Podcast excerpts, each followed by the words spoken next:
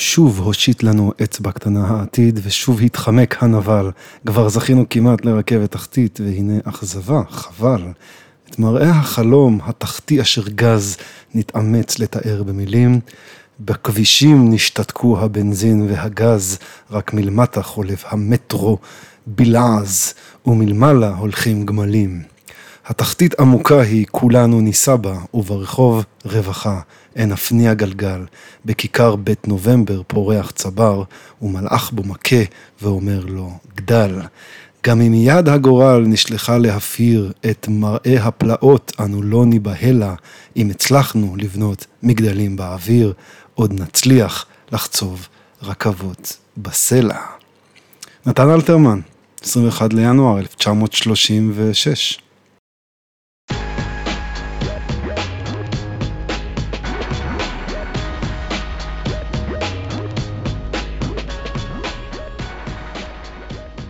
שלום וברוכים הבאים לפרק מיוחד של אה, האורבניסטים, הפודקאסט שלא רק מעביר לכם את הזמן בפקקים, אלא גם מעביר לכם את הזמן עד הפתיחה ההיסטורית של הקו הראשון של הרכבת הקלה בגוש דן, שזה כבר לא עוד הרבה זמן.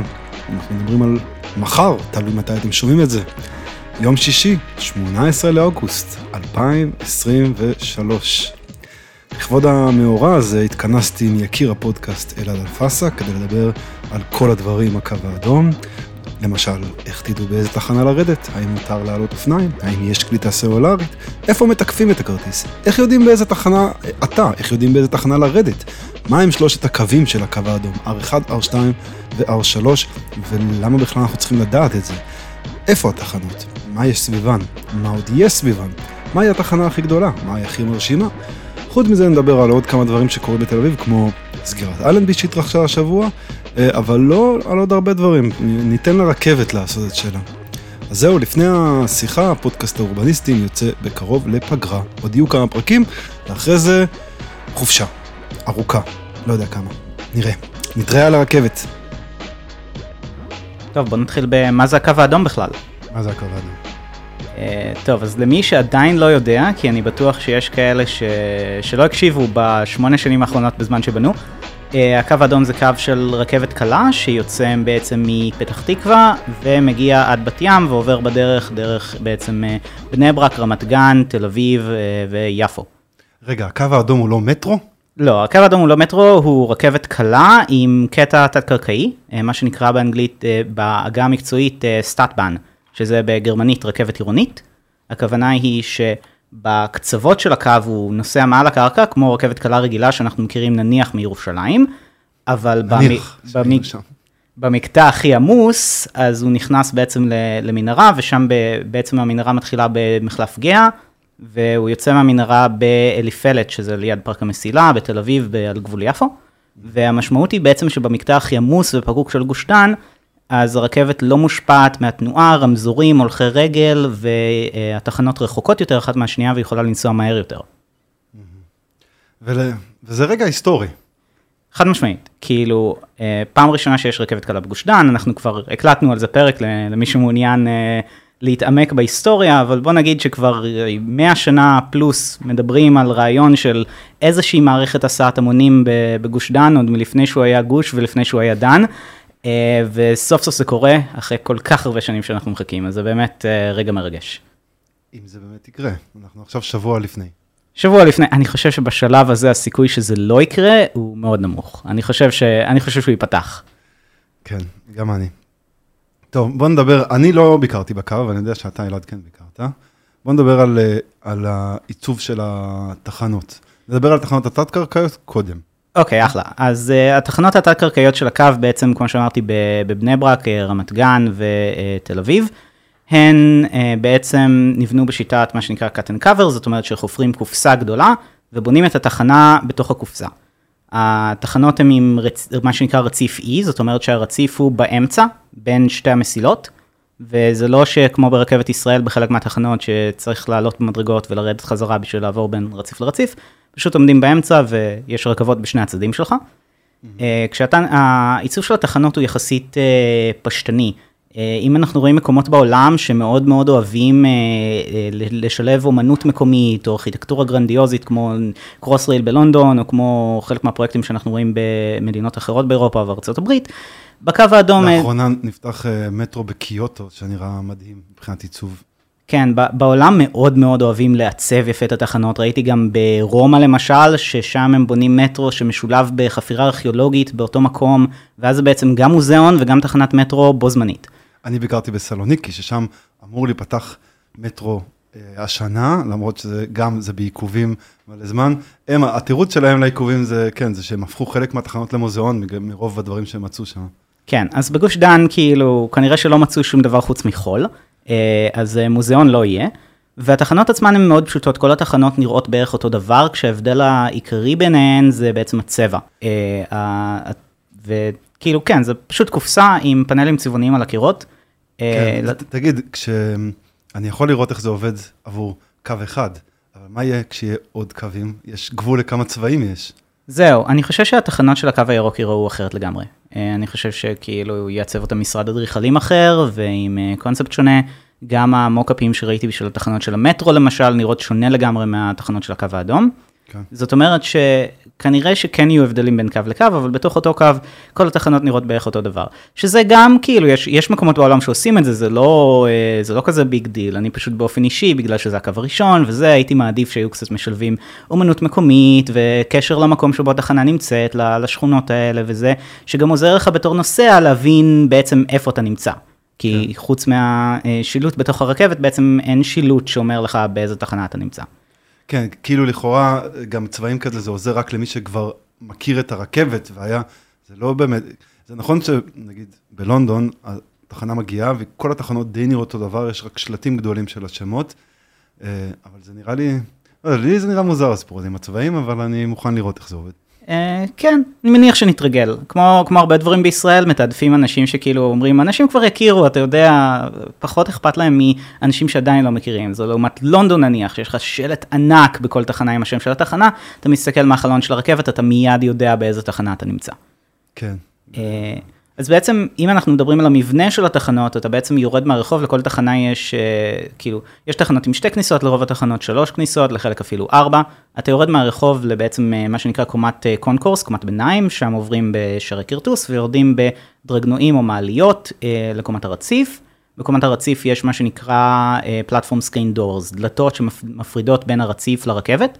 זה גם uh, עניין של בטיחות, וזה גם מאפשר למזג את התחנה, וזה גם מאפשר לרכבת לגשת לתחנה במהירות הרבה יותר גבוהה. אם אתה מכיר מרכבת ישראל למשל, שכשהרכבת מתקרבת לתחנה היא נוסעת מאוד מאוד לאט, בעיקר בתחנות העמוסות של תל אביב, כי פשוט לא רוצים שחלילה מישהו ייפול לרציף ויפג, מהרציף וייפגע מרכבת. כן. אז בקו האדום זה פשוט לא יכול לקרות, כי יש דלת שנפתחת רק ברגע שהרכבת עוצרת ופותחת את הדלתות שלה. אה, ועל הדלתות מסך האלה יש גם מסכים ענקיים עם אה, פרסומות, שזה קצת אה, מבאס כן, נוסע. פרסומות? כן, פרסומות וידאו, שזה ממש חבל. כן, שזה ממש משגע את המוח. כן, אני חושב שזה כאילו קצת אדריכלות עוינת, כאילו לא רוצים שאנשים יישארו שם יותר מדי זמן, אז זה גם תאורה חזקה, וזה גם אין הרבה ספסלים. יש, זה... יש כמה ספסלים. יש ספסלים, חד משמעית יש ספסלים, אני חושב שביום יום הם כאילו יספיקו, כי אנחנו עדיין מדברים על רכבת שתהיה בתדירות יחסית גבוהה סך הכל, אבל בשעות השפל, כשהתדירות נמוכה יותר, או אם יש אה, תקלות וצריך לחכות קצת יותר, אז זה לא מספיק ספסלים לדעתי. לגבי תדירות, אנחנו, זה, זה נפתח בתדירות מופחתת. נכון, מופחתת מאוד. דיברו בהתחלה על שזה ייפתח על כל 6 דקות, עכשיו מדברים על זה שזה אולי ייפתח כל 10 דקות. אבל זה, זה די מבאס, כן? אבל זה משהו שצריך להבין שזה קורה גם בעולם. בדרך כלל פותחים את הקו בתדירות נמוכה יותר, ולאט לאט עולים לתדירות גבוהה יותר. אה, מתרגלים את המערכת, אינטראקציות עם נוסעים, לומדים את כל הזה, כי בסופו של דבר הקו הזה עבר בדיקות מאוד מאוד אינטנסיביות, הוא בערך היה שנה בנסיעות מבחן, שהרכבות פשוט נוסעות ריקות לאורך הקו, כן, אבל בנס... בנסיעות מבחן אתה לא באמת יכול לסמלץ את, ה, את הכאוס שיש באינטראקציה יומיומית עם נוסעים. מישהו שמחזיק את הדלת קצת יותר מדי זמן, אנשים שלוקח להם זמן לעלות ולרדת, אה, אה, קורקינטים שמפריעים לרכבת בצמתים, אה, רכבים שנכנסים לצומת לא פנוי, כל מיני דברים כאלה שיכולים להפריע ביומיום, שאתה פשוט לא תמצא אותם כל כך בנסיעות מבחן, כי אתה נוסע ריק בלי נוסעים. האלמנט כאוס הזה לא נמצא שם. אז בחודשים הראשונים, או אפילו בשנה הראשונה, אנחנו נצטרך כאילו להתאזר בסבלנות, ולשפוט את הקו רק אחרי שנה. גם uh, בקנדה למשל, פתחו לאחרונה את ה-REM במונטריאול, שגם להם קו uh, מצוין וזה, אבל גם להם יש uh, בעיות בשבועות הראשונים, וזה צפוי. איזה, ו... איזה בעיות היה להם? Uh, האמת שאני לא, לא בקיא בזה, אז אני לא, לא, לא רוצה לדבר על דברים שאני לא מבין בהם, אני רק יודע שחברים מקנדה אמרו ש, שהיו בעיות, ודיברו על זה שפשוט לא שופטים קו רכבת בשנה הראשונה שלו. אני, לא... אני, אני חושב על זה שצריך ללמוד, במיוחד אה, כשברכבות עמוסות, רכבת ישראל היא גם עמוסה ויש לה בעיות כאלה, לפעמים, של אה, לא, לרדת, לרדת, להוריד נוסעים ולהעלות נוסעים, במיוחד אם זה מאותו צד, כמו שיהיה בקו האדום. כן. אמ, להבדיל מהספניש סולושן, שזה אם יש רציף אחר שבו אנשים יורדים אליו. כן, לישראלים זה כמו בכרמלית, שיש לך רציף אחד לירידה ורציף אחד לעלייה, אז זה אצלנו לצערי אין בקו האדום. כן. זה מביא אותי, בוא, בוא נדבר קצת על קיבולת בעצם. בוא נדבר על קיבולת. אז אה, מה, מה הדרך הכי בסיסית ש, שבעצם מודדים קיבולת של אה, קו הסעת המונים? מדברים על כמה אנשים הוא יכול להסיע בשעה.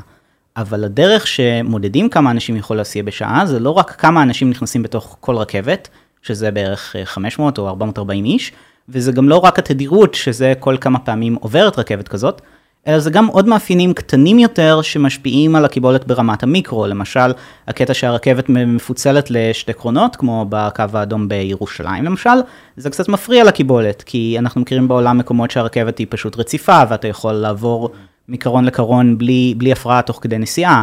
אה, יש לך אלמנטים אחרים, כמו למשל מיקום הדלתות. כשיש פחות דלתות, לוקח יותר זמן לרדת ולעלות, כי יש אה, יותר קשה להיכנס ולצאת במסות.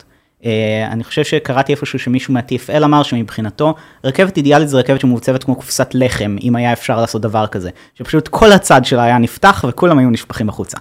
אבל זה לא משהו שאפשרי, אז אנחנו מוגבלים במספר הדלתות, ולקו האדום באמת, אה, אחת התלונות שבטוח תהיה, זה שאין לו מספיק דלתות. בניגוד לקו בירושלים, שיש לו דלתות בקצה הקרון, בקרונות של הקו האדום יש בעצם dead end בקצה של כל קרון, אז אתה צריך כאילו, אם אתה תקוע בקצה, אז יהיה לך קצת יותר קשה לצאת. צריך ללכת כאילו, וזה גם... כן, אם יהיה הרבה נושאים, אז זה יכול להיות... אה, כן, אז זה מסוג הדברים שמשפיעים על הקיבולת, כי זה בעצם מגדיל את העיכוב שלך בתחנות, והעיכוב בתחנות הוא חלק גדול מזמן הנסיעה בעצם של כל קו תחבורה. כן. אה, יש עוד אלמנט שזה אנחנו מדברים על רכבות קלות, אה, נמוכות רצפה, מה זאת אומרת? הרי מי שראה אי פעם רכבת קלה רואה שבעצם אי אפשר לראות את הגלגלים שלה, אבל יש לה גלגלים, הם פשוט מוסתרים. בתוך הרכבת יש בעצם אה, כיסאות שהם טיפה גבוהים יותר, שהם בעצם יושבים על מה שנקרא wheel well, שמתחת לזה מוסתר הגלגל. עכשיו, זה, דברים כאלה מצרים מאוד את המעבר ברכבת. אפשר לראות את זה בירושלים, אפשר לראות את זה כמעט בכל מקום שיש בו טראם. אה, זה לעומת למשל רכבת ישראל, או כל מיני מערכות מטרו בעולם, שזה רכבת עם רצפה גבוהה, הרציף גבוה יותר, אבל אז כל הקרון שטוח ויש יותר מקום לזוז בפנים. זה סוג הדברים שמשפיעים, אבל בעצם בגלל שהקו האדום עובר גם ברחוב, לעשות אותו עם רציף גבוה היה יכול להיות יותר בעייתי, כי אז הרציפים הרבה יותר גבוהים ברחוב. כן. זאת אומרת, זה הכל עניין של trade-offs. אז בסופו של דבר, כאילו, מבחינת קיבולת, הקו האדום לא יהיה בקיבולת של מטרו, אבל הוא יהיה בקיבולת הרבה יותר גדולה מקיבולת של אוטובוס, ובגלל זה אני חושב שהוא יהיה שדרוג משמעותי לתחבורה בציר הזה, בציר בעצם ז'בוטינסקי, אחד צירי התחבורה הציבורית הכי עמוסים בארץ, אם לא הכי עמוס. כן. עוד דבר שישפיע על הקיבולת, זה סידורי הביטחון. אה, נכון. מה אנחנו יודעים על סידורי הביטחון? אני יודע שלא תהיה בדיקת תיקים בכניסה, לפחות זה מה שאמרו לי. זאת אומרת, אה, פעם ראשונה בישראל אני חושב שיש קו רכבת, שאתה פשוט יכול לרדת במדרגות, אה, לרדת, להעביר כרטיס ולהיכנס לרציף. אני חושב שיש שם סידורי, כאילו, נרגיע את האנשים, שיש שם סידורי אבטחה מאוד אה, יש שם כן. איזו יחידת אבטחה שלמה שנבנתה לצורך העניין. נכון, יש גם בתחנת קרליבך תחנת משטרה שיושבת ביחידת הרכבת הקלה של המשטרה, יש אה, מאבטחים גלויים, יש מאבטחים סמויים, אני באמת לא רוצה אה, להיכנס לזה יותר מדי, כי כאילו, מה שאני יודע עדיף שאני לא אספר. אה, אבל הקו מכוסה כולו במצלמות, אני באמת לא חושב שתהיה איזושהי בעיה מבחינה ביטחונית, כל דבר כזה כמובן אושר על ידי המשטרה והשב"כ, זה לא שפותחים פה סתם בלי, בלי לחשוב על הדברים האלה בישראל. כן. אפילו... אה, במרכז כל רציף יש תא פיצוץ ענקי למקרה שחס וחלילה יהיה חפץ חשוד, יכניסו אותו לתוך התא הזה ויפוצצו אותו, זה תופס המון מקום מהרציף. זה ולא, ולא יצטרכו לסגור את התחנה. לא יצטרכו לסגור את התחנה, כי הרעיון הוא בעצם לפנות את החפץ החשוד כמה שיותר מהר, אז יש את הקופסת בטון הענקית הזאת באמצע הרציף, עם דלת מתכת ענקית, שבתוכה יש עוד איזה צילינדר שלתוכו מכניסים את הדבר. בקיצור, זה באמת שחשבו על הדברים האלה, אז מבחינה ביטחונית, אני ממש לא דואג. עכשיו, זה עוד עניין שהקו הזה חלקו מעל הקרקע וחלקו מתחת לקרקע. מעל הקרקע אתה לא באמת יכול לבדוק תיקים, זה כמו תחנת אוטובוס. אז אם באוטובוס לא בודקים לך תיק, אין שום סיבה שברכבת הקלה לא יבדקו לך תיק, והאנשים שמחליטים על, על זה כנראה לא מטומטמים, והם הבינו את זה גם, ובגלל זה לא תהיה בדיקת תיקים בקו האדום. וזה יעזור לנו כי בעצם לא יהיו טורים ענקיים בכניסה לתחנות, כמו שאנחנו רואים בחלק מהתחנות של רכבת ישראל. אולי מתישהו גם יפתרו את הבעיות האלה של רכבת ישראל. אני חושב שבשלב מסוים אנחנו פשוט נהיה חייבים להתקדם ולמצוא דרכים אחרות לעשות אבטחה בתחבורה הציבורית, כי באמת זה יגביל את הקיבולת שלנו ככל שאנחנו נעביר יותר ויותר ישראלים לתחבורה ציבורית, ככל שהרשת של רכבת ישראל תגדל ויהיה לנו גם מטרו ועוד רכבות קלות, זה מסות ענקיות של נוסעים והמודל הזה של לבדוק תיק לכל בן אדם שנכנס, לא בטוח שהוא scales למספרים כאלה. כן, לעשרות אלפים בשעה. כן. אמ, דיברת מקודם על קורקינטים, מה אנחנו יודעים לגבי מה, אם ייתנו להכניס שם אופניים, אופניים מתקפלות, קורקינטים? אז מה שאני זוכר שאמרו שמותר אה, קורקינטים רק כשהם מקופלים, אופניים רק כשהם מקופלים, אה, אופניים רגילים לא ייתנו להכניס. עכשיו זה מאוד הגיוני כי בסופו של דבר לרכבות אה, מאוד קטנות, מאוד צרות, שהולכות להיות מאוד צפופות ועמוסות. מה שמבאס זה שברוב התח... בסביבות רוב התחנות אין מספיק חניות לאופניים, אז כאילו מי שרוצה להגיע באופניים, להשאיר את האופניים ליד התחנה ולהמשיך את שאר הדרך ברכבת, אה, יכול להיות שייתקע קצת בבעיה. כן, אין... אה, בתל, בתל אביב יש, אה, יש חניות ברחוב, ליד רוב התחנות, אבל משמעותית לא מספיק. אם אתה תסתכל היום ליד תחנות של רכבת ישראל, אתה תראה אופניים קשורים לכל דבר. בהרצליה היה אה, קשור לכל, לכל אה, גדר אפשרית, ועד שבנו שם את החניון אופניים התת-קרקעי הזה, רובוטי, שאני לא יודע כמה משתמשים בו באמת. כן.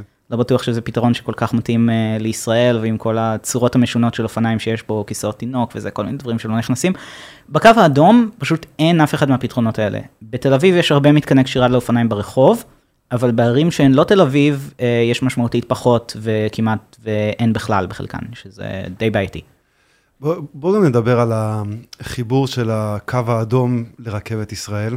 יש שם, אתה חושב שהחיבור נעשה טוב? או איך, איך בן אדם אמור להתחבר? אם אני עכשיו הגעתי מחיפה ואני רוצה לעלות על הקו האדום. אוקיי, okay, אז בוא, בוא נדבר באמת אם הגעת מחיפה, אז אתה כנראה תרד בסבידור מרכז, שיש שם תחנת ארלוזורוב של הקו האדום, ואתה תמצא את עצמך הולך משהו כמו, אה, מדדתי משהו כמו 500 מטר מרציף לרציף, קצת יותר. זה, וזו הליכה שהיא בחוץ. אה, בחניון.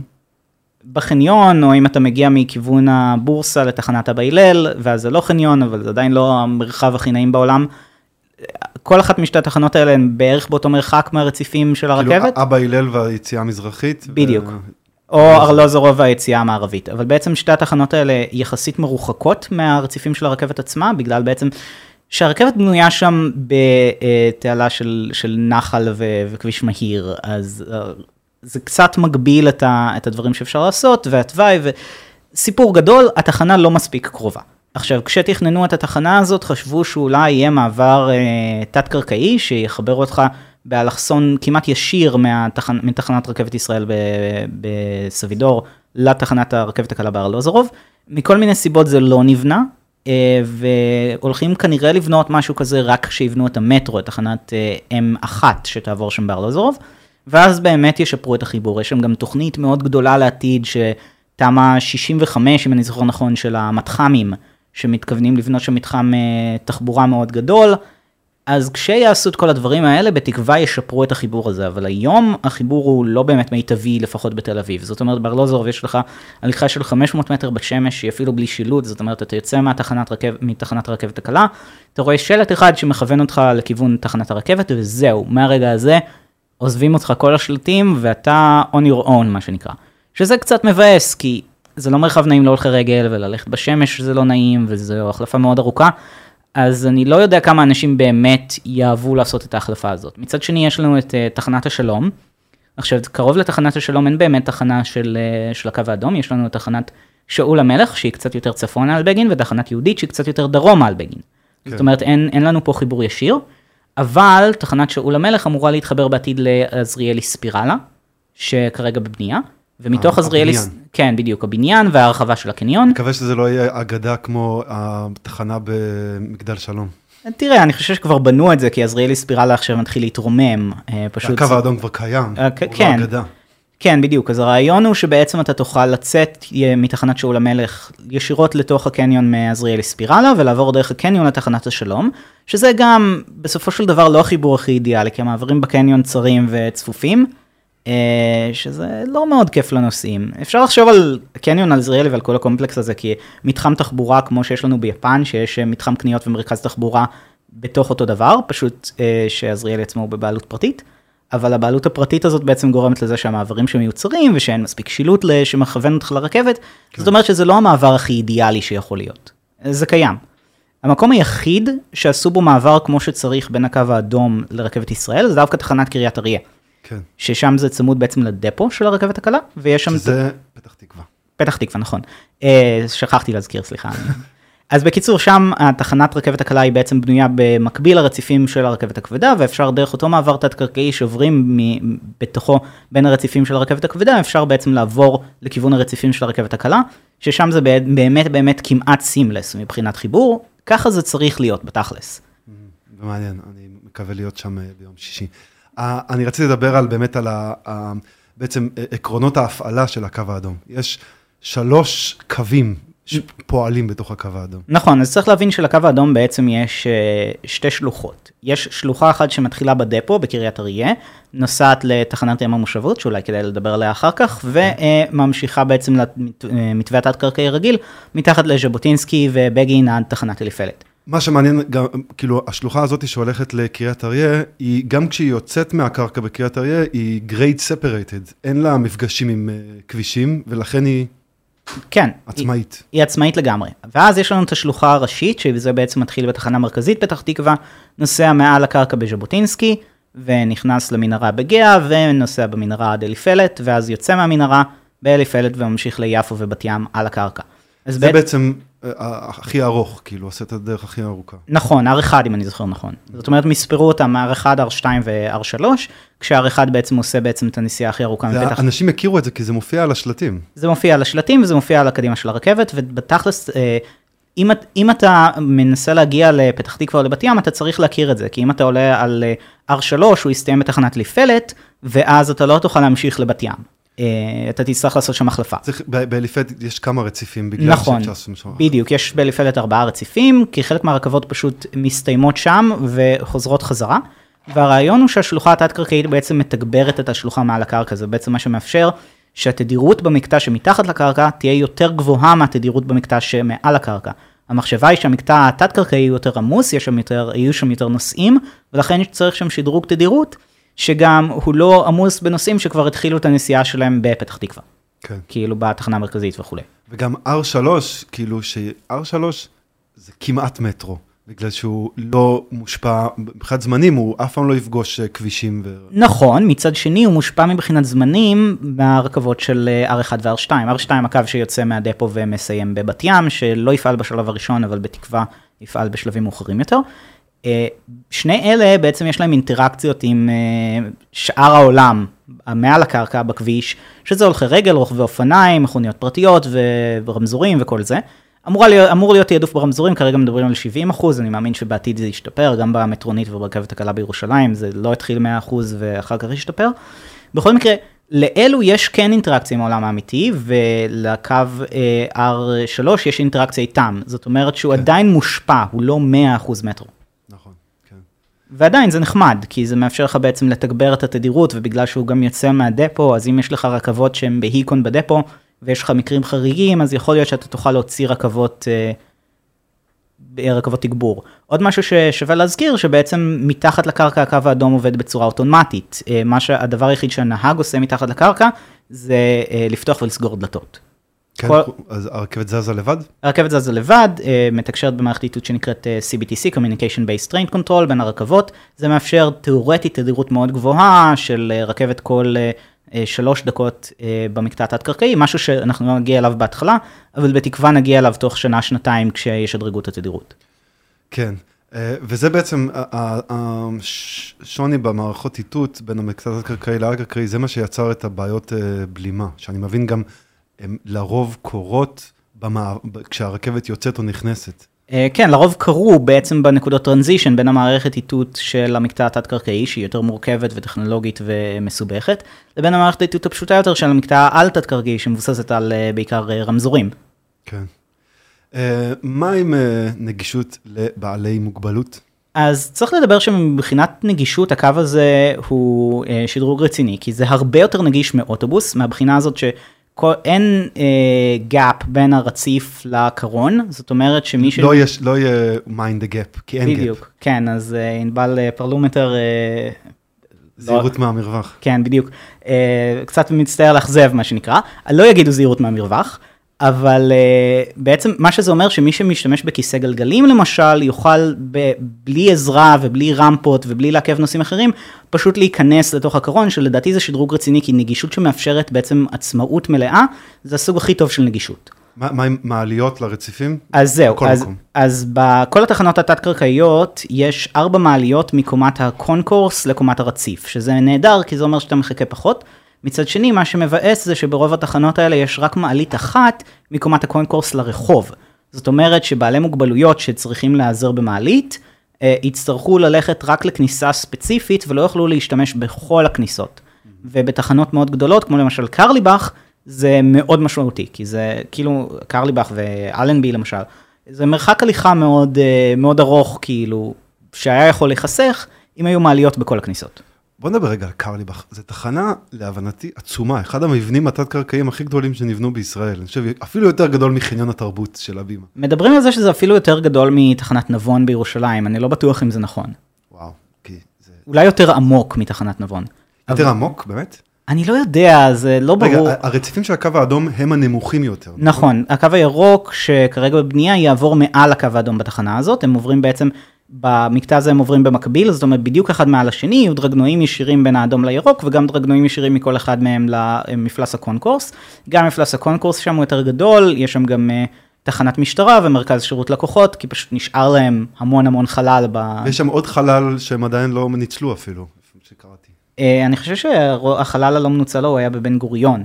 אה, כן. כן, אבל זה, זה כל מיני חללים שנוצרים בגלל שליטת הבנייה של התחנות ב-cut and cover, בעצם בגלל שבונים את התחנה מלמטה למעלה בתוך הבור הענקי הזה שנבנה, לפעמים צריך לחפור קצת יותר בגלל תנאי השטח, למשל בבן גוריון, כי יש שם אה, מפלגים בשביל לעבור בין המסילות, או קרליבך בגלל שבעצם הקו הירוק פונה שם שמאלה אה, ל- לרחוב קרליבך עצמו.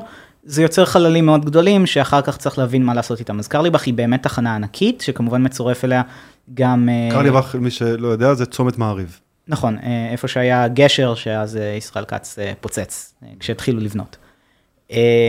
אז בעצם גם לתחנה הזאת מצורף, חלק מהקונסטרוקציה העצומה הזאת זה גם השיקוע לכלי רכב שבנו שם, שזה גם אלמנט מאוד מבאס. שהשיקוע של, כאילו מבחינת, מבחינת הגובה שם, זה קודם כל השיפוע של הכלי רכב, הכי קרוב לקרקע, ואז הקונקורס, ואז הקו הירוק, ואז הקו האדום. יש שם לפחות איזה ארבע קומות. כן, בדיוק, ובין, ובין לבין יש לך גם קומה טכנית שבה נמצאות כל המערכות של הרכבת, זאת אומרת, אה, גנרטורים ושנאים וכל מיני דברים כאלה, מאווררים, אה, מזגנים, כל הדברים, שבעצם זו קומה שמוסתרת מהנוסעים, שיש בכל אחת מהתחנות. בעצם זה אומר שאם אתה יוצא או נכנס בתחנת קרליבך, זה כזה כמו בנבון, להתחיל אה, עם כמה גרמי מדרגות נאות? אה, אני חושב שזה פחות עמוק מנבון, אני כאילו קודם אמרתי יותר, קודם אני לא באמת יודע. כן. אבל אני, לפי מה שהבנתי, זה פחות עמוק מנבון. אה, מבחינת הדרגנועים, גם זה דרגנוע אחד ישיר. זאת אומרת, זה לא הולך להיות לך עכשיו שאתה צריך לרדת כמה גרמי מדרגות.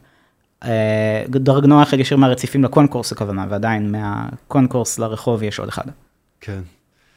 טוב, נצטרך פשוט אה, להגיע כן. ולראות. צריך להבין שהרכבת, ה... שהקו האדום בעצם הוא מאוד עמוק בגלל שהוא היה צריך אה, גם לעבור מתחת לקו הירוק שם, וגם בנקודות אחרות שלו היה צריך לחצות מתחת לתעלת איילון, וזה דברים שמשפיעים על העומק בעצם, כי... וגם כשעושה TBM כזה, זה, זה עמוק. נכון, TBM בהגדרה הוא עמוק, יש, יש כאילו איזה מינימום עומק שאתה צריך לעשות, אז גם הירוק הוא יותר עמוק ממה שהייתי מצפה שהוא יהיה, אבל בעצם אה, בקו האדום הוא יותר עמוק מהמינימום עומק של TBM, כי היה צריך לעבור גם מתחת לתשתיות של איילון, גם מתחת לכל מיני קווי ביוב ומים וחשמל, וכל הדברים האלה, אה, כל התשתיות האלה שבעצם קיימות כמעט בכל רחוב ראשי בגוש דן, שאנחנו פשוט לא, לא מכירים אותן. כי, כי אנחנו לא רואים אותם ביום יום, כן. אבל הקו, הבנייה של הקו האדום הייתה צריכה להתמודד עם כל אלה. כן. Uh, כן, לא, כנראה שלא יהיו לנו uh, בתל אביב uh, רכבות, uh, רכבות לא מאוד עמוקות, כמו שיש uh, כמה, ב, רכבות די ישנות שיש בכל מיני מקומות בעולם. לונדון למשל. לונדון, פריז גם. כן. כן. זה, כשהרכבת יותר קרובה לקרקע זה מאוד מאוד נוח לנוסע, כי אתה לא צריך לרדת הרבה ואתה ישר ברציפים. מצד שני, בזמן הבנייה זו הפרעה הרבה יותר גדולה, כי צריך לחפור מה שנקרא את הרחוב ב-cut and cover, זאת אומרת, כמו שאנחנו רואים היום באבן גבירול שחופרים את התחנות, אבל כל הרחוב. שזו השפעה הרבה יותר גדולה, וזו הסיבה שבאמת לא עושים את זה, מעדיפים לצמצם את ההפרעה ל- ליום יום של התושבים, זה איזשהו מין trade-off כזה. כן. אמ, רציתי לדבר אז, אה, אה, דיברנו על כמה תחנות אה, חשובות. מתוך, יש עשר תחנות תת-קרקעיות, כל, כל אחד... 11 נדמה לי. 11?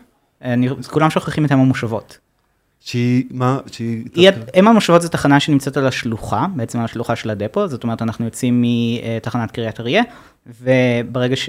לפני שאנחנו מתחברים לגזע הראשי של הקו, יש תחנה אחת שנמצאת שם אה, צמוד לכביש 4, אה, בעצם בצד של בני ברק, שממנה יש אה, גשר הולכי רגל שמחבר לאזור התעשייה שנמצא בצד של פתח תקווה, ובצד של בני ברק כרגע אין כלום. מתוכננת להיבנות שם אה, איזושהי שכונה בעתיד, עד כמה שאני מבין, וגם מסוף תחבורה גדול, אבל כרגע זה פשוט תחנה באמצע שום מקום. ש... כן. כן. אז זו תחנה שבאמת אה, רוב האנשים שמזכירים שוכחים, כי באמת מעט מאוד אנשים הולכים להשתמש בה בשנים הראשונות של הקו. עד, עד שבעצם יבנו שם. אז זה יכול להיות מעניין, כי זה בעצם הזדמנות לבנות מה שנקרא Transit Oriented Development, להגיד, אוקיי, יש לנו פה תחנת, אה, תחנת רכבת קלה, בוא נבנה שכונה שמתבססת על התחנה הזאת בתור אמצעי התחבורה העיקרי שלה, במקום לבנות שכונה שמתבססת על רכב פרטי. עכשיו, בגלל שאני מכיר את מערכת תכנון בישראל, אני יודע שרוב הסיכויים שמה שיבנו שם לא יהיה החלום שלנו ל-Transit Oriented Development, אבל... אולי תתקרב לאט לאט, צריך להיות אופטימי גם לפעמים. כן, יכול להיות. בכל מקרה, כרגע יש שם פשוט כיכר וכלום. וגשר. כמו בסין כזה, שחופרים מטרו באמצע הג'ונגל. אה, קצת כזה כן. חופרים מטרו ואתה רואה את כל התמונות האלה שצוחקות ככה הסינים האלה בנו מטרו באמצע שדה ועשר שנים אחר כך אתה רואה שבמקום השדה הזה קמה שכונה של מגדלים. אין ספק שמבחינת וייביליות לבנייה, זה ברגע שהקו ה- הקו יפעל, אז זה צריך לתת וייביליות לזה ש... כן, מצד שני. צריך גם לזכור שזה צמוד למסדרון כביש 4 שזה כאילו כביש רועש ומזוהם שזה משפיע על כמה אתה יכול לבנות קרוב אליו. כן, נכון. זה, זה בכלל, אם נדבר רגע על uh, הפיתוח שיש והפיתוח המתוכנן לאורך התחנות של הקו האדום, מי ניצל את ההזדמנויות, מי ניצל חצי ומי כן. לא הצליח בכלל.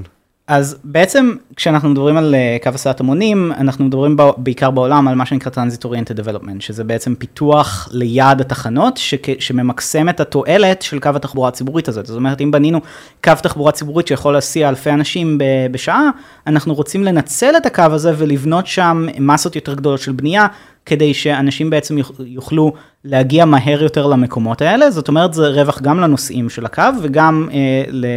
אה, בעלי הנדלן שם וגם בעצם לתושבים של העיר, ארנונה מניבה וכל זה.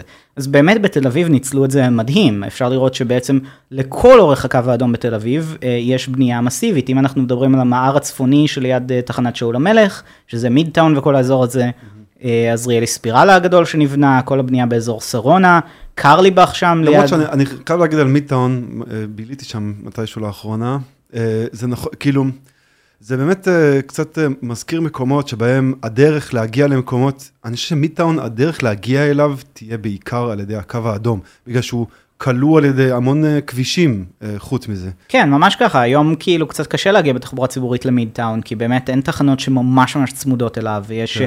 צומת מאוד גדולה ולא נעימה שם בצומת של בגין, ז'בוטינסקי ושאול המלך.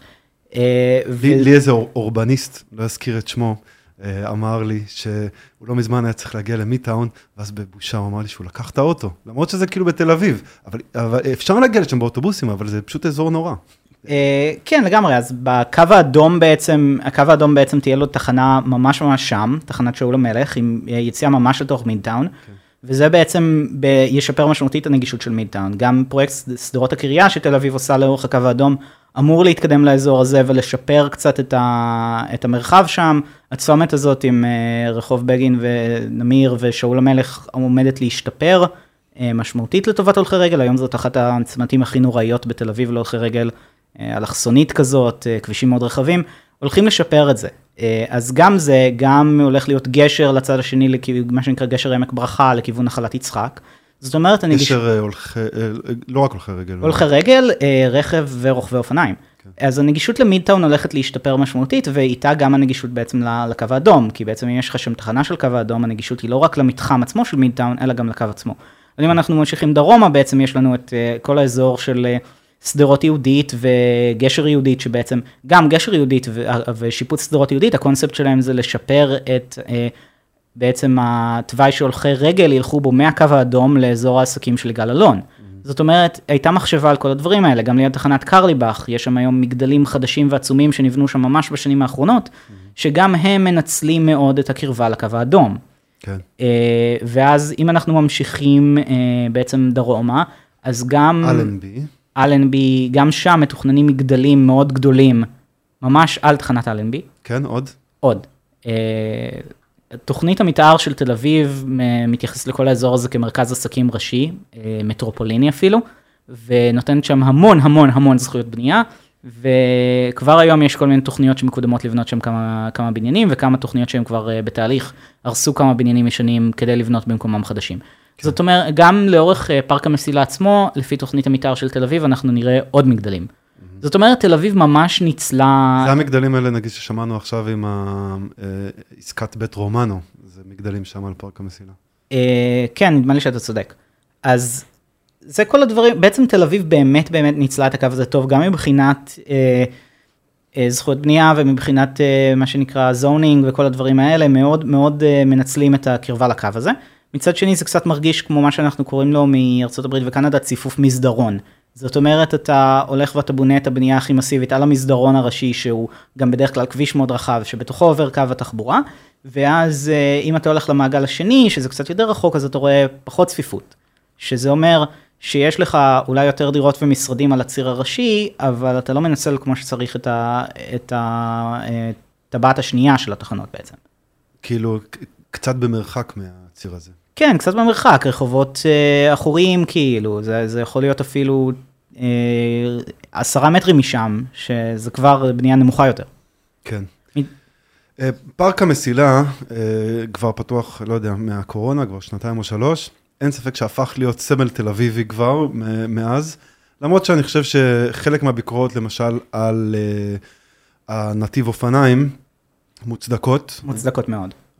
אפשר היה, למשל, את דרך אילת, אה, להפוך אותה לקצת יותר ידידותית לאופניים ולהעביר את רוב האופניים לשם, היה יותר אולי הגיוני. נכון, כי בעצם היום אנחנו רואים בפארק המסלה שהוא מאוד מאוד עמוס בהולכי רגל, וזה באמת, זה יפה לראות שכאילו ברגע ש- you build it and they, they will come, אה, זה באמת היה מאוד מאוד נדרש שם, גם השטח הירוק הזה, גם השטח שבעצם מוגן מ- מרכבים, שבעצם אתה באמת יכול קצת ללכת ולהירגע בו. אבל פשוט הוא צר מדי ביחס לכמות הולכי הרגל שהולכים בו, אז זה מרגיש מאוד צורם שחצי ממנו מוקדש לשביל אופניים. כן. אבל זה בעצם פיתוח שהתאפשר בזכות הקו האדום, לפני הקו האדום היה שם חניון. כן, אז... בטוח, כן, תמיד אפשר להתלונן. סתם, כן. אה, אה, אה, אני חושב באזור הזה, במיוחד לכיוון תחנת אליפלט, ואז לים, זה, זה אזור שעדיין הוא... מוטה רכב אה, במידה לא, לא קטנה. נכון, יש שם את אה, רחוב שלבים שעכשיו מרחיבים אותו משמעותית בשביל רכב פרטי שזה מאוד מבאס. אה. החניונים הגדולים שעל הים, הכבישים הגדולים שעל הים, ויש את השכונה שנבנית על מוזיאון צה"ל, שגם תקבל עוד כביש נכון. שיעבור על ה... נכון, בעצם היום מול תחנת אליפלט יש לנו מין רחבה גדולה כזאת ויפה.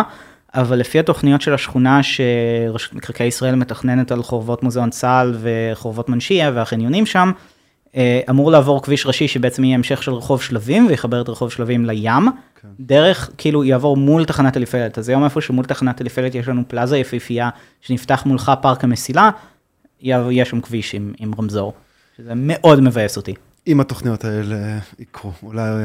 אולי, אה, אולי יהיה מזל, אבל uh, התוכניות האלה מאושרות כבר עד כמה שאני מבין, אז הסיכוי שזה לא יקרה מאוד נמוך. חכה, יש לנו את ה... כנראה את הקדנציה האחרונה של רון חולדאי, הקדנציה של כל החלומות. נראה מה יקרה. אז בעצם אם אנחנו נמשיך בקו, אז גם בשדרות ירושלים נעשה שיפוץ מדהים כחלק מהקו האדום, אה, הפכו את זה מרחוב מפויח כזה מלא אוטובוסים, לסדרה יפה שהיא מוטה הולכי רגל, מצד שני. בזמן הבנייה, שהתארכה משמעותית, לא הייתה שום תחבורה ברחוב הזה, ובעלי עסקים שם נפגעו מאוד. כן. אז זה נשאר לנו לראות אם ואיך העסקים שם התאוששו ברגע שהתפתח הקו, וכמה זמן זה ייקח. אה, כאילו, הרחוב כבר פתוח משהו כמו שנה, אה, ל... בערך, יש שם עדיין כמה גדרות לפעמים. כן, פתוח להולכי רגל ורוכבי אופניים, אבל uh, בסופו של דבר, ברגע שאין לך שם את המסה של האוטובוסים, אוטומטית פחות אנשים מגיעים, כי בעצם האוטובוסים הם מי שהביא אנשים לרחוב הזה. בלי תחבורת אוטובוסים שם, יש לאנשים משמעותית פחות סיבה להגיע לשם. כן. וכשלאנשים יש פחות סיבה להגיע לשם, הם גם פחות מגיעים לעסקים ששם. אה, עסקים שם סבלו, אה, בלי ספק. אני מקווה שיקרה שם משהו טוב בסוף. גם אני. אז אם אנחנו נמשיך בעצם... תגיד, לא, אבל יש לי, כן. יש לי, אני רגע פותח סוגריים. הערב, אה, אלנבי הולך להיסגר. כן. אה, עבור הקו הסגול, זה סיפור אחר. אה, סתם, לא יודע, לגב, מחשבות לגבי אלנבי. אוקיי, אז לא uh, למי שלא מכיר, אלנבי זה הרחוב האלכסוני הזה שהולך מזרח-מערב במרכז, מזרח-מערב וצפון דרום, uh, ב, במרכז תל אביב. כן. והוא היסטורית היה uh, רחוב הכי ראשי כמעט בתל אביב, ואפילו בגוש דן מבחינת תחבורה ציבורית. Uh, המון תחבורה ציבורית מתנקזת לשם. לפי דעתי זה הנת"צ הראשון בארץ. יש מצב, uh, אני יכול להאמין לזה, כי בעצם Uh, כמעט תמיד היו, הייתה תחבורה ציבורית מסיבית באזור הזה, הוא גם מחבר בין מסוף כרמלית לבין התחנה המרכזית, וגם לפני שמסוף כרמלית ותחנה המרכזית נפתחו, כיכר המושבות באלנבי הייתה uh, מסוף אוטובוסים מרכזי, וגם כיכר הכנסת בצד השני שלו הייתה מסוף אוטובוסים מרכזי. זאת אומרת, אנחנו הולכים אפילו 100 שנה אחורה, אלנבי היה רחוב חשוב תחבורתית.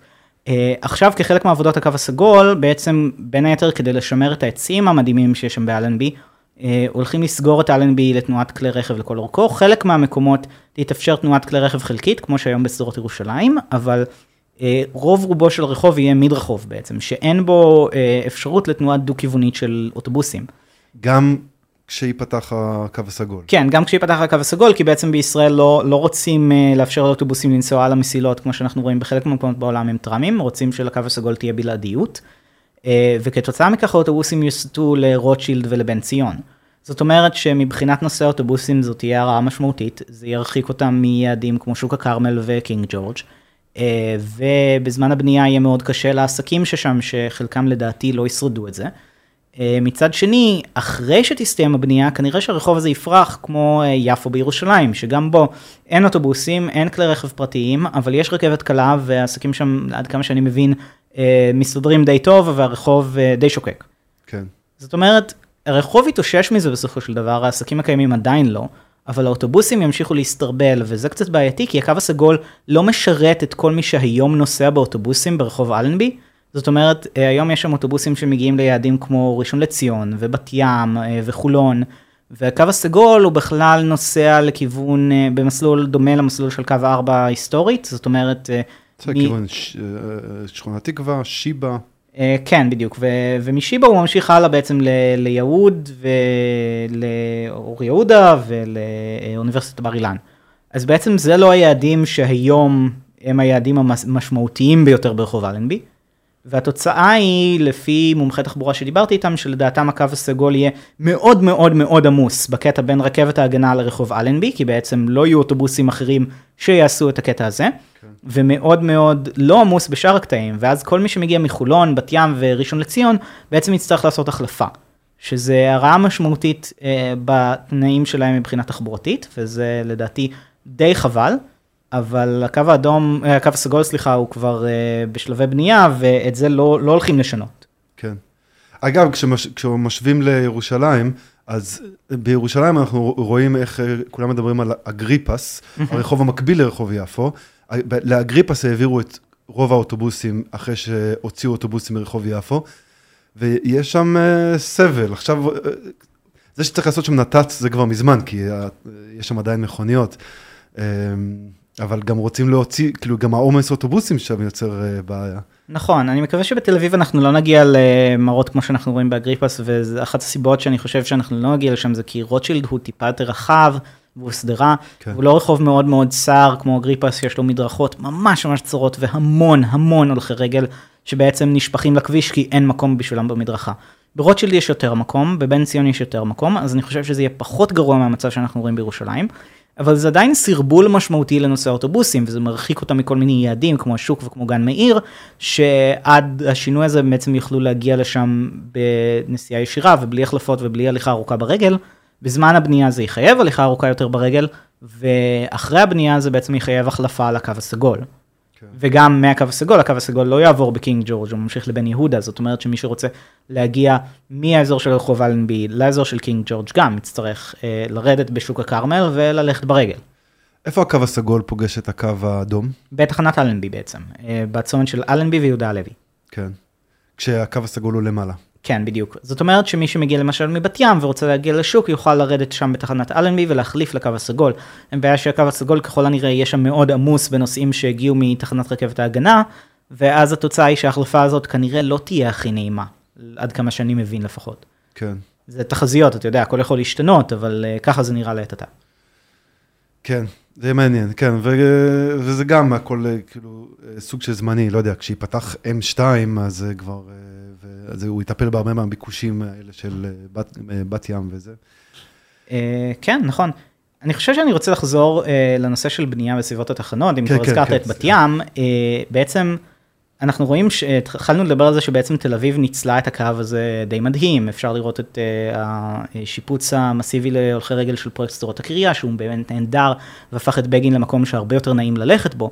אבל אם אתה יוצא מגבולות תל אביב ואתה אה, מגיע לאזורים הדרומיים יותר של יפו ולבת ים, אתה מתחיל לראות מקומות אה, שלא ניצלו את הקו האדום כמו שצריך. זאת אומרת שהרחובות עדיין מאוד מאוד רחבים, מאוד מוטי רכב פרטי, מדרכות יותר צרות, גדרות שמפרידות בין הרכבת לשאר מסלולי הכביש.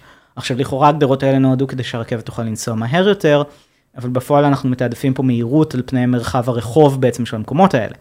ואפשר גם לדבר על תוכניות מתאר, שלבת ים בעצם אין תוכנית מתאר, עד כמה שאני מבין, וחוץ מכמה פרויקטים מאוד מאוד נקודתיים של מגדלים, שגם להם אה, חניונים עצומים עם איזה אלף מקומות חנייה, שזה ממש על הקו האדום עצמו, זאת אומרת לא ניצלו שם את הקו האדום מספיק טוב. כמה פרויקטים נקודתיים, זה לא אותו דבר כמו לקחת מסדרון שלם ולהפוך אותו בעצם לנדלן מניב יותר, למשרדים, לעסקים וכל עוד, זה. עוד לפני בת ים באזור יפו, אה, כאילו, אבל יפו דרומית, רואים כבר אה, לא מעט פרויקטים חדשים של מגורים, שנראים די נחמד, ממש קרוב לציר, והם, כן, ו, ואין שם גדרות.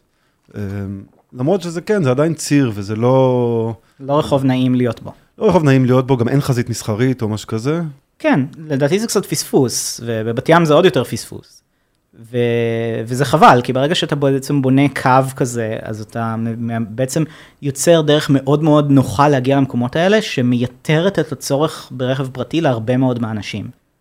כן. זאת אומרת, גם אם, גם אם אנשים צריכים רכב פרטי בשביל שבת, בשביל, רק בשביל שבת לא צריך רחוב של ארבע נתיבים לכיוון. נכון. אה, ובעצם, בעצם אם אנחנו אה, חוזרים לצד השני של הקו, אנחנו נסתכל... פתח תקווה. פתח תקווה, בדיוק. כן. אז פתח תקווה כן התחילה לנצל את הקו האדום יותר טוב מבת ים. יש שם כבר היום כמה פרויקטים, וגם יש לפתח תקווה תוכנית מתאר שהיא כרגע בתהליך, שמדברת על חזית מסחרית רציפה לכל אורך דרך ז'בוטינסקי, ומגדלים שם לתעסוקה, ויותר מגורים בסביבה של הקו. יש איזושהי תלונה שבפתח תקווה הקו האדום זה לא ממש עובר במרכז העיר. נכון, בפתח תקווה הקו האדום עובר חד משמעית בקצה העיר, ז'בוטינסקי תמיד היה קצה העיר של פתח תקווה. מרכז העיר של פתח תקווה תוכנן להיות משורת על ידי הקו הסגול, אבל בעצם בגלל אה, נימבי שהיה שם לפני איזה 12 שנה, בוטלה שלוחת הקו הסגול בתוך פתח תקווה. אז היום מרכז העיר פתח תקווה לא משורת על ידי אף מערכת הסעת המונים, חוץ מאולי המטרו אם הוא יקרה. כן. אה, והמטרו זה, אנחנו מדברים על 10-20 אה, שנה קדימה. זאת אומרת שמרחק ההליכה בין הקו האדום למרכז העיר פתח תקווה, הוא לא אפסי, הוא לא, הוא משהו כמו 10 דקות, רבע שעה הליכה מתחנה מרכזית למרכז העיר, וגם צריך לזכור שמרכז העיר פתח תקווה היום הוא לא אזור הכי וואו, נגיד את זה ככה, יש לו המון פוטנציאל, אבל uh, הוא צריך שיקום. Uh, הוא צריך שם uh, יותר מגורים, הוא צריך שם uh, שיפוץ, הוא צריך שם להיות יותר מוטה הולכי רגל. כן. ותוכנית המתאר של פתח תקווה באמת מתייחסת לזה, אני לא יודע אם ההתייחסות של זה היא מספיק טובה, אבל יש איזושהי התייחסות לזה. ובעצם גם רוב תושבי פתח תקווה לא באמת גרים במרכז העיר, פתח תקווה עיר שהיא מאוד מאוד דוגמה לספרול. במיוחד השכונות החדשות וכאילו היותר נחשבות שממש... ב... כן, שחלקן גם מאוד רחוקות מהקו האדום. מצד שני, אה, אנשים יוכלו להגיע לקו האדום באוטובוס, ואוטובוסים, אה, זאת עדיין אופציה, לא חייבים להשתמש בקו האדום עצמו. עדיף, כן. כאילו, אם יש לך גישה נוחה לקו האדום להשתמש בו, אבל זה שקיים הקו האדום לא אומר שאתה לא יכול לנסוע באוטובוס. אה, אני משער שמי שהגיע כבר עד לשלב הזה בשיחה, אולי הוא כבר מכיר את הקו האדום, אבל בכל זאת, שאלה שעולה, זה מה תהיה ההשפעה על מצב התחבורתי של אה, תל אביב, או של הערים השכנות אה, בפתיחה? כן, אז בוא, בוא נזכור בעצם שהקו האדום, למרות כל התלונות שיש עליו, שהוא לא מטרו, וזה לא מספיק קיבולת לגוש דן, ואנחנו צריכים מערכת גדולה יותר, וכולי וכולי וכולי, הוא עדיין שדרוג משמעותי מאוד לקיבולת בציר ז'בוטינסקי. וכחלק מהשדרוג לקיבולת הזו זה בעצם שדרוג קיבולת שהוא גם לא מושפע מפקקים על הקרקע וכל הדברים האלה, כי הוא, כי הוא תת-קרקעי ברוב רוב הציר הזה. זאת אומרת, זה שדרוג קיבולת משמעותי ושדרוג אמינות משמעותי, שאמינות זה גם פקטור מאוד מאוד חשוב בתחבורה הציבורית. כן. Uh, זמני המתנה שיהיו יחסית קבועים ויחסית uh, חזויים, וזה בעצם מאפשר לסמוך על הקו הרבה יותר מאשר שאתה יכול לסמוך על uh, קו אוטובוס היום. אה, אז בעצם בשנה הראשונה, כשעד שהמערכת תתייצב, לא מתכוונים לעשות שינויים מסיביים מדי בתחבורה הציבורית. קו אחד הולך להישאר לשנה הראשונה, וזה בעצם לקח שלמדו גם מירושלים וגם בעצם מערים אחרות בעולם. אם אתה מסתכל על אה, אוטווה למשל, ששם בנו את ה-O-Train המפורסמת שלהם, ביטלו את כל האוטובוסים, אמרו לכולם תיקחו את ה-O-Train, ואז ה-O-Train התקלקלה ויש לה המון המון המון תקלות בשנתיים האחרונות. אז בשביל הקו האדום, למדו את הלקח הזה ואומרים, קודם אנחנו מחכים שהמערכת תתייצב, ואחר כך אנחנו עושים שינויים בתחבורה הציבורית. עכשיו, מה זאת אומרת שינויים בתחבורה הציבורית? ברגע שיש לך את הקו האדום, יש פחות הצדקה לקו אחד באותו מסלול. קו אחד זה קו מאוד מאוד מאוד תדיר. אה, תשומות הנהגים שלו, זאת אומרת הנהגים והרכבים שהיום עושים את קו אחד, יוכלו להסיט אותם לעשות קווים אחרים ולתגבר אותם. זאת אומרת, לשפר את התדירות גם לא בהכרח של קווים, אפילו לא בהכרח של קווים שנמצאים במסלול של הקו האדום. כן. אה, אז חלק מהשיפור תדירות הזה באמת יבוא לקווים שיזינו את הקו האדום, חלק מזה גם יכלול קיצור אה, או ביטול של חלק מהקווים, קו אחד יבוטל, יקוצר, ישונה מספרו ל-50 ויסתיים במסוף הלוחמים כאילו בשביל קטע של בת ים. חלק מהקווים של בקעת אונו, שמעתי שהם יוסטו לדרך רבין בשביל להתחבר לקו האדום במקום אה, להמשיך ישירות לתל אביב ולרחוב המסגר.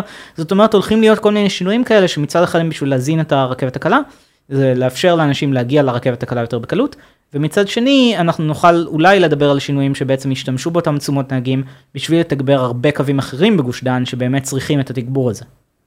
זו הזדמנות מאוד גדולה בשביל רשת האוטובוסים שלנו. כן, וזה באמת אה, גם, אה, כאילו, זה המון נהגים ומפרקיות. ו... כן. בטח יש בעיות במסופים, כאילו, עם קיבולת במסופים, אבל זה דברים ש...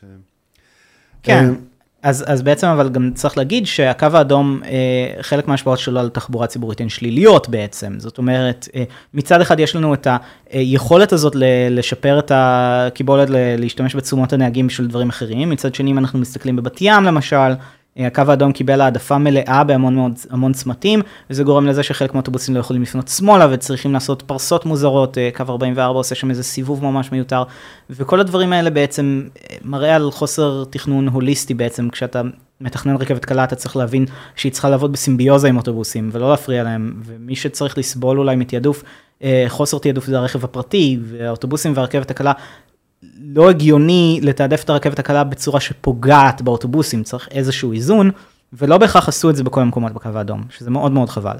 אפשר גם לחשוב על אה, צומת אבא הלל בז'בוטינסקי בעצם, ששם במשך הבנייה, שש שנים של בנייה, לא הייתה פנייה שמאלה, וזה היה יחסית בסדר, וברגע שסיימו את הבנייה, פתחו שם פנייה שמאלה לרכב פרטי, ועכשיו האוטובוסים, שקודם היה להם הסדר מיוחד, עומדים אה, משהו כמו 10 דקות רבע שעה רק בפקק הזה בשביל לפנות שמאלה מז'בוטינסקי לאבא הלל. זאת אומרת, לא תמיד הייתה פה מחשבה הוליסטית על תכנון התחבורה הציבורית באוטובוסים, בצורה שמתממשקת כמו שצריך עם הרכבת הקלה, וזה מאוד חבל. כאילו, אבל אתה אומר, מתוכננים עוד אה, שינויים שהם יראו תוך כדי אה, ההפעלה של הקו האדום. כן, אה, כנראה אחרי השנה הראשונה, באמת שהמערכת אה, תתייסב קודם. מה עם ההערכה לראשון לציון? אה, אז כרגע הבנתי שזה לא קורה, זאת אומרת, זה היה בממשלה הקודמת תוקצב לתכנון מפורט, אם אני זוכר נכון. כן, אני גם חושב. לא, לא בטוח, אז שלא יתפסו אותי במילה, אבל הערכה לראשון לציון בעצם היום הקו האדום נגמר ב- בקיצור הדרומי בקוממיות בבת ים, שזה באמת מרחק נגיעה מראשון לציון, אה, כשהערכה לראשון לציון מתוכננת בעצם להאריך אותו עד תחנת ראשון לציון משה דיין, ששם הוא גם יפגוש את הקו הירוק, גם את הקו החום, אם זה אי פעם יקרה, וגם את רכבת ישראל. זאת אומרת, אה, כשיש לך קו אה, הסעת המונים, הרבה יותר הגיוני לסיים אותו באיזשהו מקום שיש קישורי תחבורה להמשך הנסיעה, מאשר לסיים אותו בקצת באמצע שום מקום כזה, שזה הקוממיות. אז ההערכה הזאת היא בעצם היא מאוד מאוד חשובה לדעתי, היא מאוד מאוד תשפר את הקו, בעיקר גם לאנשים מבת ים שרוצים להגיע לעבודה בראשון לציון למשל, שיוכלו להשתמש בדבר הזה עם החלפה קטנה לקו הירוק, או עם אה, המשך באוטובוס, או אפילו הליכה ברגל, למרות שראשון לציון היא לא וואו בהליכה ברגל, וגם אה, לא וואו. מתחם האלף שנבנה בימים אלה בראשון לציון היה מאוד יכול להיעזר בקישור התחבורה הזה. וכל זה בעצם כרגע לא קורה, כי עד כמה שהבנתי מירי רגב רצתה להסיט את התקציב הזה לסעיפים אחרים. כן. אה, כן, אבל זה כאילו עוד יכול לקרות, אז זה עוד לא סגור. כן, זאת אומרת, התוכנית מבחינה סטטוטורית היא מאושרת, כל מה שצריך זה תקציב ואי אפשר לבצע את זה. עכשיו, מה שחבל, שברגע שבעצם דחו את זה ולא לא תקצבו את זה בתקציב הנוכחי, אנחנו בעצם הפסדנו, למה? כי היום אה, חלק מהכלים והפועלים שעבדו על הקו האדום עדיין נמצאים פה איתנו בישראל, והם אה, עוד מעט אה, יסיימו את עבודתם פה ו- ויחזרו לסין, ובעצם אם היו חותמים על התקציב הזה להערכה של הקו האדום עכשיו, אז אותם פועלים ואותם כלי עבודה היו יכולים לבנות את ההערכה הזאת, וזה היה הרבה יותר זול, במקום עכשיו לעשות מכרזים חדשים, להביא אולי חברה אחרת שתעשה את זה, וכל הסיפור הזה. זאת אומרת, אה, יש לנו פה איזשהו הפסד מסוים, זה התארכות בתהליך, זה אולי אפילו אה, תקציב שיהיה טיפה יקר יותר, בגלל בעצם ה... אה, שלא ניצלו את ההזדמנות הזאת. כן. מה לגבי כל הסוגיה שמדברים עליה שוב? מדברים עליה כבר שנה, שנתיים, עם השבת, שה- שהרכבת הקלה תפעל בשבת. תראה, אני מראש לא האמנתי שהרכבת הקלה תפעל בשבת, כאילו, אנחנו בישראל, בציר ז'בוטינסקי אפילו אין אה, אוטובוס שבת, עיריית פתח תקווה היא לא חלק מנעים בסופש לצערי הרב. אה, מוניות שירות בציר ז'ב- ז'בוטינסקי פעם היו, היום יש משמעותית פחות, כי כל הענף הזה בקשיים משמעותיים, והממשלה בעצם אה, די נכשלה בלעשות שם רפורמה, והרפורמה הזאת לא עבדה, ובעצם יש לנו פחות מוניות שירות ממה שהתחלנו איתן. אה, אז מבחינת תחבורה בשבת על ציר ז'בוטינסקי, היום אין ממש, וכשאתה פותח את הקו האדום, הסיכוי שדווקא הקו האדום יהיה זה שיפעל בשבת, כשזה קו שעובר בבני ברק ופתח תקווה שהן ערים כאילו יותר אומר- דתיות, אומרים שבבני ברק אה, הוא מתחת לקרקע. נכון. הם לא יראו את זה. רחוק מהעין, רחוק מהלב, כאילו, ותיאורטית אפשר... אפשר לסגור את תחנת אהרונוביץ', כן. לא- לא לא ישתמשו בה. כאילו, תראה, מבחינה טכנית, ברור שאפשר לעשות את זה, וברור שצריך לעשות את זה אפילו. אבל מבחינה פרקטית, בגלל שאנחנו בישראל וכל הקטע הזה של סטטוס קוו, פשוט לא האמנתי שזה אי פעם יקרה, אני לא חושב שיש לזה התכנות פוליטית היום.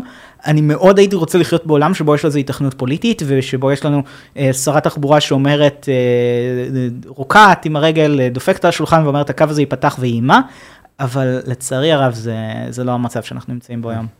כאילו, אה, אנחנו כן רואים אה, עלייה גם בתחבורה ציבורית בשבת, באופן כללי, כאילו בעיקר אני מדבר על נעים בסופש, וזה גם מוכיח ביקוש. אה, זה נכון, זה מקביל לירידה קצת במוניות שירות. כן, ברור, אבל הביק... חלק מהביקושים בין של נעים לסוף, בסופה שזה בצירים שבעולם לא היו בהם מוניות שירות. זאת אומרת, יש המון ביקוש לתחבורה ציבורית בשבת. אנשים בשבת, לא, רובם לא, לא באמת רוצים להישאר כל השבת בבית, אנשים רוצים לצאת לפגוש חברים, משפחה, לבלות, אפילו לנסוע לארוחת שישי בלי לעמוד בפקקים בשביל זה. כן. זאת אומרת, תחבורה ציבורית בשבת זה, זה משהו שימושי, זה משהו שבאמת צריך אותו. גם הקו האדום הוא כזה קו טוב לבילויים, כל האזור של אלנבי, פארק המסילה, וזה, זה האזור בילויים של אה, תל אביב. חד משמעית, תחשוב איזה קלאסי זה לק... ל... ל... לבוא לתחנה מרכזית פתח תקווה, לעלות על רכבת קלה ותוך אה, חצי שעה 40 דקות להיות בים, כן. בלי לנהוג בשביל זה. זה היה יכול להיות מדהים, ב- בעיקר ל- לשבת. במקום זה לבילויים, השתמשו בזה רק בחמישי בערב, אולי שישי בצהריים, אבל בסופו של דבר זה, זה די מבאס. אה, אה, רגע, אגב, חצי שעה, הנסיעה מאם המושבות עד אה, אליפלת, שזה כל המקטע ה-grade separated תת-קרקעי, כמה זמן לוקחת בערך? כאילו מפתח תקווה, לא מתכנן, אני חושב שזה אמור לקחת בין אה, 25 דקות לרבע שעה, אני לא רוצה, אני לא סגור על זה, ואני בגלל זה אני לא רוצה להתחייב. כן, זה גם תלוי במהירות. זה, זהו, זה תלוי במהירות. תראה, מתחת לקרקע הרכבת באמת נוסעת 80 קמ"ש בין תחנה לתחנה, אבל יש לה אה, עיכוב משמעותי בתחנות עצמן, אה, זאת אומרת בקו וחצי בין תחנה לתחנה בערך, שזה די מדהים, אז אפשר לחשב בערך, אבל העיכוב בתחנות הוא משתנה, היום הוא מאוד ארוך, הם שואפים לצמצם אותו, אבל צריך לראות את האינטראקציה עם נוסעים בפועל. וגם צריך לזכור שבחודשים הראשונים, בשנה הראשונה, הרכבת אולי תיסע קצת לאט יותר מהמקסימום שלה, ובגלל זה כל מי שאומר לך עכשיו זמני נסיעה, לא, הי. לא הייתי מתחייב על זה, בוא נגיד ככה. זאת אומרת, אתה רואה כל מיני, זורקים כל מיני מספרים לאוויר, ובסוף ביום של הפתיחה זה יכול להיות איטי יותר ממה שאמרו. בגלל זה, אם תשים לב, בפרסומים הרשמיים נטע לא, לא הזכירו מהירות. אז אני באמת לא, לא, לא הייתי רוצה להתחייב על אף מספר. כשאני נסעתי בנסיעת מבחן, ששוב נסיעת מבחן זה בלי נוסעים ובלי כל מיני הפרעות כאוטיות וכאלה, אה, נסעתי מארלוזורוב לאליפלת וזה לקח פחות מרבע שעה. מדהים. כן, זה, זה חד משמעית שיפור, גם אם מפתח תקווה זה ייקח קצת יותר זמן. אמ, יש אה, קליטה אה, סלולר בתוך המנהרה? יש קליטה סלולר בתוך המנהרה לאורך כל הקו, גם בכל, בכל התחנות. אני לא יודע איך זה יעבוד כשהקו יהיה עמוס בנוסעים, יכול להיות שזה יעבוד קצת פחות טוב, אבל כשהיינו שם קבוצה קטנה ויחסית מצומצמת, הייתה קליטה לאורך כל המסלול. שזה מדהים, לא מובן מאליו. לא מובן מאליו בכלל, אני מקווה שגם ברכבת בירושלים יצליחו לעשות דבר כזה. כן, יכול להיות קשה. התחנות ממוזגות, נכון? כן, כולם? ממוזגות אה, לגמרי, גם הרכבות ממוזגות, זאת אומרת מהבחינה הזאת זה, זה שדרוג. כמובן שהתחנות שמעל הקרקע לא ממוזגות, אבל יש בהן יותר צל מבתחנת אוטובוס טיפוסית. כן. אמ, מה רציתי לדבר איתך? זה ש... נסיים עוד מעט. העלאת מחירים. כן, אז עכשיו הודיעו ש... קודם כל הודיעו שהקו האדום בהתחלה אמרו שהוא יהיה חינם שלושה חודשים, מאוד יפה מצידם, ואז אמרו שזה לא יקרה, כן, הוא יהיה חינם רק ביום הפתיחה. שזה יום שישי הבא. אה, כן, לא יודע מתי שזה יצא, יום שישי כנראה. זה יום שישי בכל מקרה. כן, אז זהו, ואז זה יעלה. עכשיו, זה לא רק שזה התחיל לעלות כסף, אלא גם אה, עכשיו ברפורמה של המחירים, מעלים את המחירים של הרק"ל, גם של ירושלים, גם של, אה, גם, גם זה. נכון, זאת בעצם יעלה במקום 6 שקלים לנסיעה או 5.90, זה יעלה 8 שקלים לנסיעה. שזה... משמעותי. כן, זה, זה בהחלט משמעותי. אה, וכאילו הרעיון מאחורי העלאת מחירים כזו היא בעצם אומרת שזה שירות פרימיום, אז על שירות פרימיום אתה צריך אה, לשלם יותר, וגם שהקו יהיה עמוס, אז אנשים תהיה להם נכונות לשלם, ואולי זה קצת יוריד את העומס, אבל בסופו של דבר, לגבות סכום כזה כשאין לך אלטרנטיבה אחרת לאורך כל המסלול, אני לא בטוח שזה נכון להגיד שצריכה להיות הפרדה כזאת בין שירות פרימיום לשירות רגיל, כשאין באמת אה, אלטרנטיבה זולה יותר. זאת אומרת, רכבות היום עולים יותר מאוטובוס, עולות יותר מאוטובוסים בין עירוניים, אבל אה, יש לך את האופציה של אוט- אוטובוס בין עירוני. ובקו האדום לא יהיה לך, אה, שנה אחרי הפתיחה כשיבטלו את קו אחד, לא, לא יהיה לך אופציה של קו אוטובוס שיעשה את כל המסלול. יהיה לך אולי קווים בחלק מהמסלול, אבל לא, לא בטוח שזה עונה על כל אחד מהג'ורניז שאפשר לעשות בקו האדום עצמו. אה, מצד שני, יש עוד עניין שיכול להיות שיש לזה יתרון, שבעצם אם אתה אומר שהקו האדום עולה 8 שקלים, אבל מי שיש לו חופשי חודשי או חופשי יומי יכול לנסוע בו בלי תוספת תשלום. זה אה, ב- כן? אה, זה עד כמה שאני מבין, אני לא יודע אם הם יעשו חופשי חודשי נפרד לנסיעות ברכבות פלוס, קלות. כן. נראה לי שלא, אבל שוב, הפרטים על זה מאוד מאוד לא ברורים ומאוד, uh, הכל נתון לשינויים, אתה יודע איך זה בישראל. אבל אם זה יהיה חינם בחופשי חודשי, זה בעצם תמרוץ משמעותי לנוסעים קבועים, כי זה אומר, בוא עכשיו תתחייב שאתה עושה איקס נסיעות בחודש, תקבל רכבת קלה כאילו אה, כתוספת, כצ'ופר כאילו. ואז זה אומר, מי שנוסע הרבה, ישתלם לו לקחת את הרכבת הקלה, לעומת נוסעים מזדמנים שאולי פחות ישתלם להם. ואז אה, העלאה כזאת בתעריף, אולי היא קצת יותר הוגנת מאשר אם זה לא היה בחופשי חודשי, אבל שוב, זה, זה עניין של איזשהו trade-off, ואני לא, אני עדיין לא בטוח שההעלאה הזאת מוצדקת. כן. לגבי אה, הרבה, עכשיו הכתבות לקראת הפתיחה, אז הרבה מדברים על הזמן שזה לקח ועל התקציב שהתנפח. לגבי הזמן שזה לקח, זה הכל תלוי מאיפה סופרים. אם סופרים מ-2015, כשישראל כץ פוצץ שם את גשר מעריב, שזה תכלס, כאילו היו בניות לפני, אבל זה תכלס התחלת הבנייה, אז אנחנו מדברים היום, 23, שמונה שנים. כן. שמונה שנים, אה, אני אה, לא יודע להגיד כמה זה סביר, אני חושב שהיו קווים שהצליחו להיבנות אפילו בפחות מזה, חד משמעית. אה, אבל זה, זה סביר. זה סביר, מינוס הייתי אומר, היה אפשר לעשות את זה בפחות זמן, אבל באמת היו כל כך הרבה מכשולים בדרך לקו הזה, בין אם אה, מכשולים בירוקרטיים, ופרשיות שחיתות, וענייני תקציב, וענייני מכרזים לא טובים, ולמדו תוך כדי תהליך, זאת אומרת, אה, חלק מה... חלק מהלקחים הטמיעו אותם בקו הירוק והסגול, חלק מהלקחים בעצם הביאו לזה שכתבו את אה, חוק המטרו שדיברנו עליו בפרק על המטרו והנימבי. זאת אומרת, לומדים לקחים מהדבר הזה. שמונה שנים זה, היה אפשר לעשות את זה בפחות. אם זה היה עד 21, כאילו שש שנים? הרבה יותר טוב. שש שנים משמעותית הרבה יותר טוב. כן. אה, גם אם זה היה אה, על עמודים במקום תת-קרקעי, אז יכול להיות שזה היה אפילו פחות. אבל uh, גם כאילו מבחינת תקציב, אנשים הרבה פעמים מדברים על החריגה התקציבית הענקית של הקו הסגול, האדום, אבל בסופו של דבר... מבחינת חריגה תקציבית זה כן, זה מי, כאילו תלוי מי, גם זה תלוי מאיפה סופרים, אבל נגיד לקוחים את העשרה מיליארד שדיברו עליהם בהתחלה, ואז אומרים, עכשיו זה בערך 18 מיליארד.